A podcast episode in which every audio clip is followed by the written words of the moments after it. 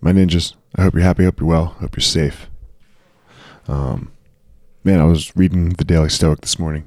Uh, I always read the Daily Stoic, and they were talking about Thomas Jefferson and some shit I'm not going to get into, but they made this reference to the the Declaration of Independence, and it really touched me for a second.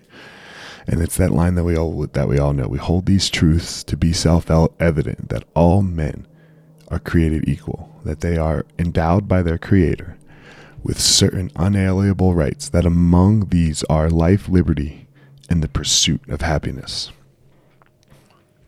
It's this last piece I want to talk about today the pursuit of happiness.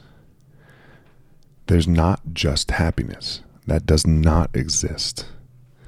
You, you have to be pursuing happiness. You have to be charging after it. You have to be chasing it, trying to have purpose in our lives. Go get it. You have to be going to pursue. That word pursue.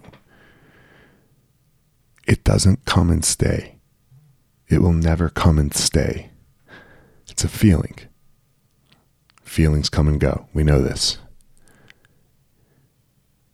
It's a chase, a little bit, I guess. But not. It comes back to the word pursue. The idea of pursuing it is what makes you happy.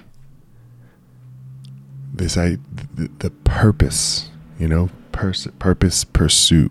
They're they're they're so close. right? You have to have purpose in your life. You have to be pursuing that.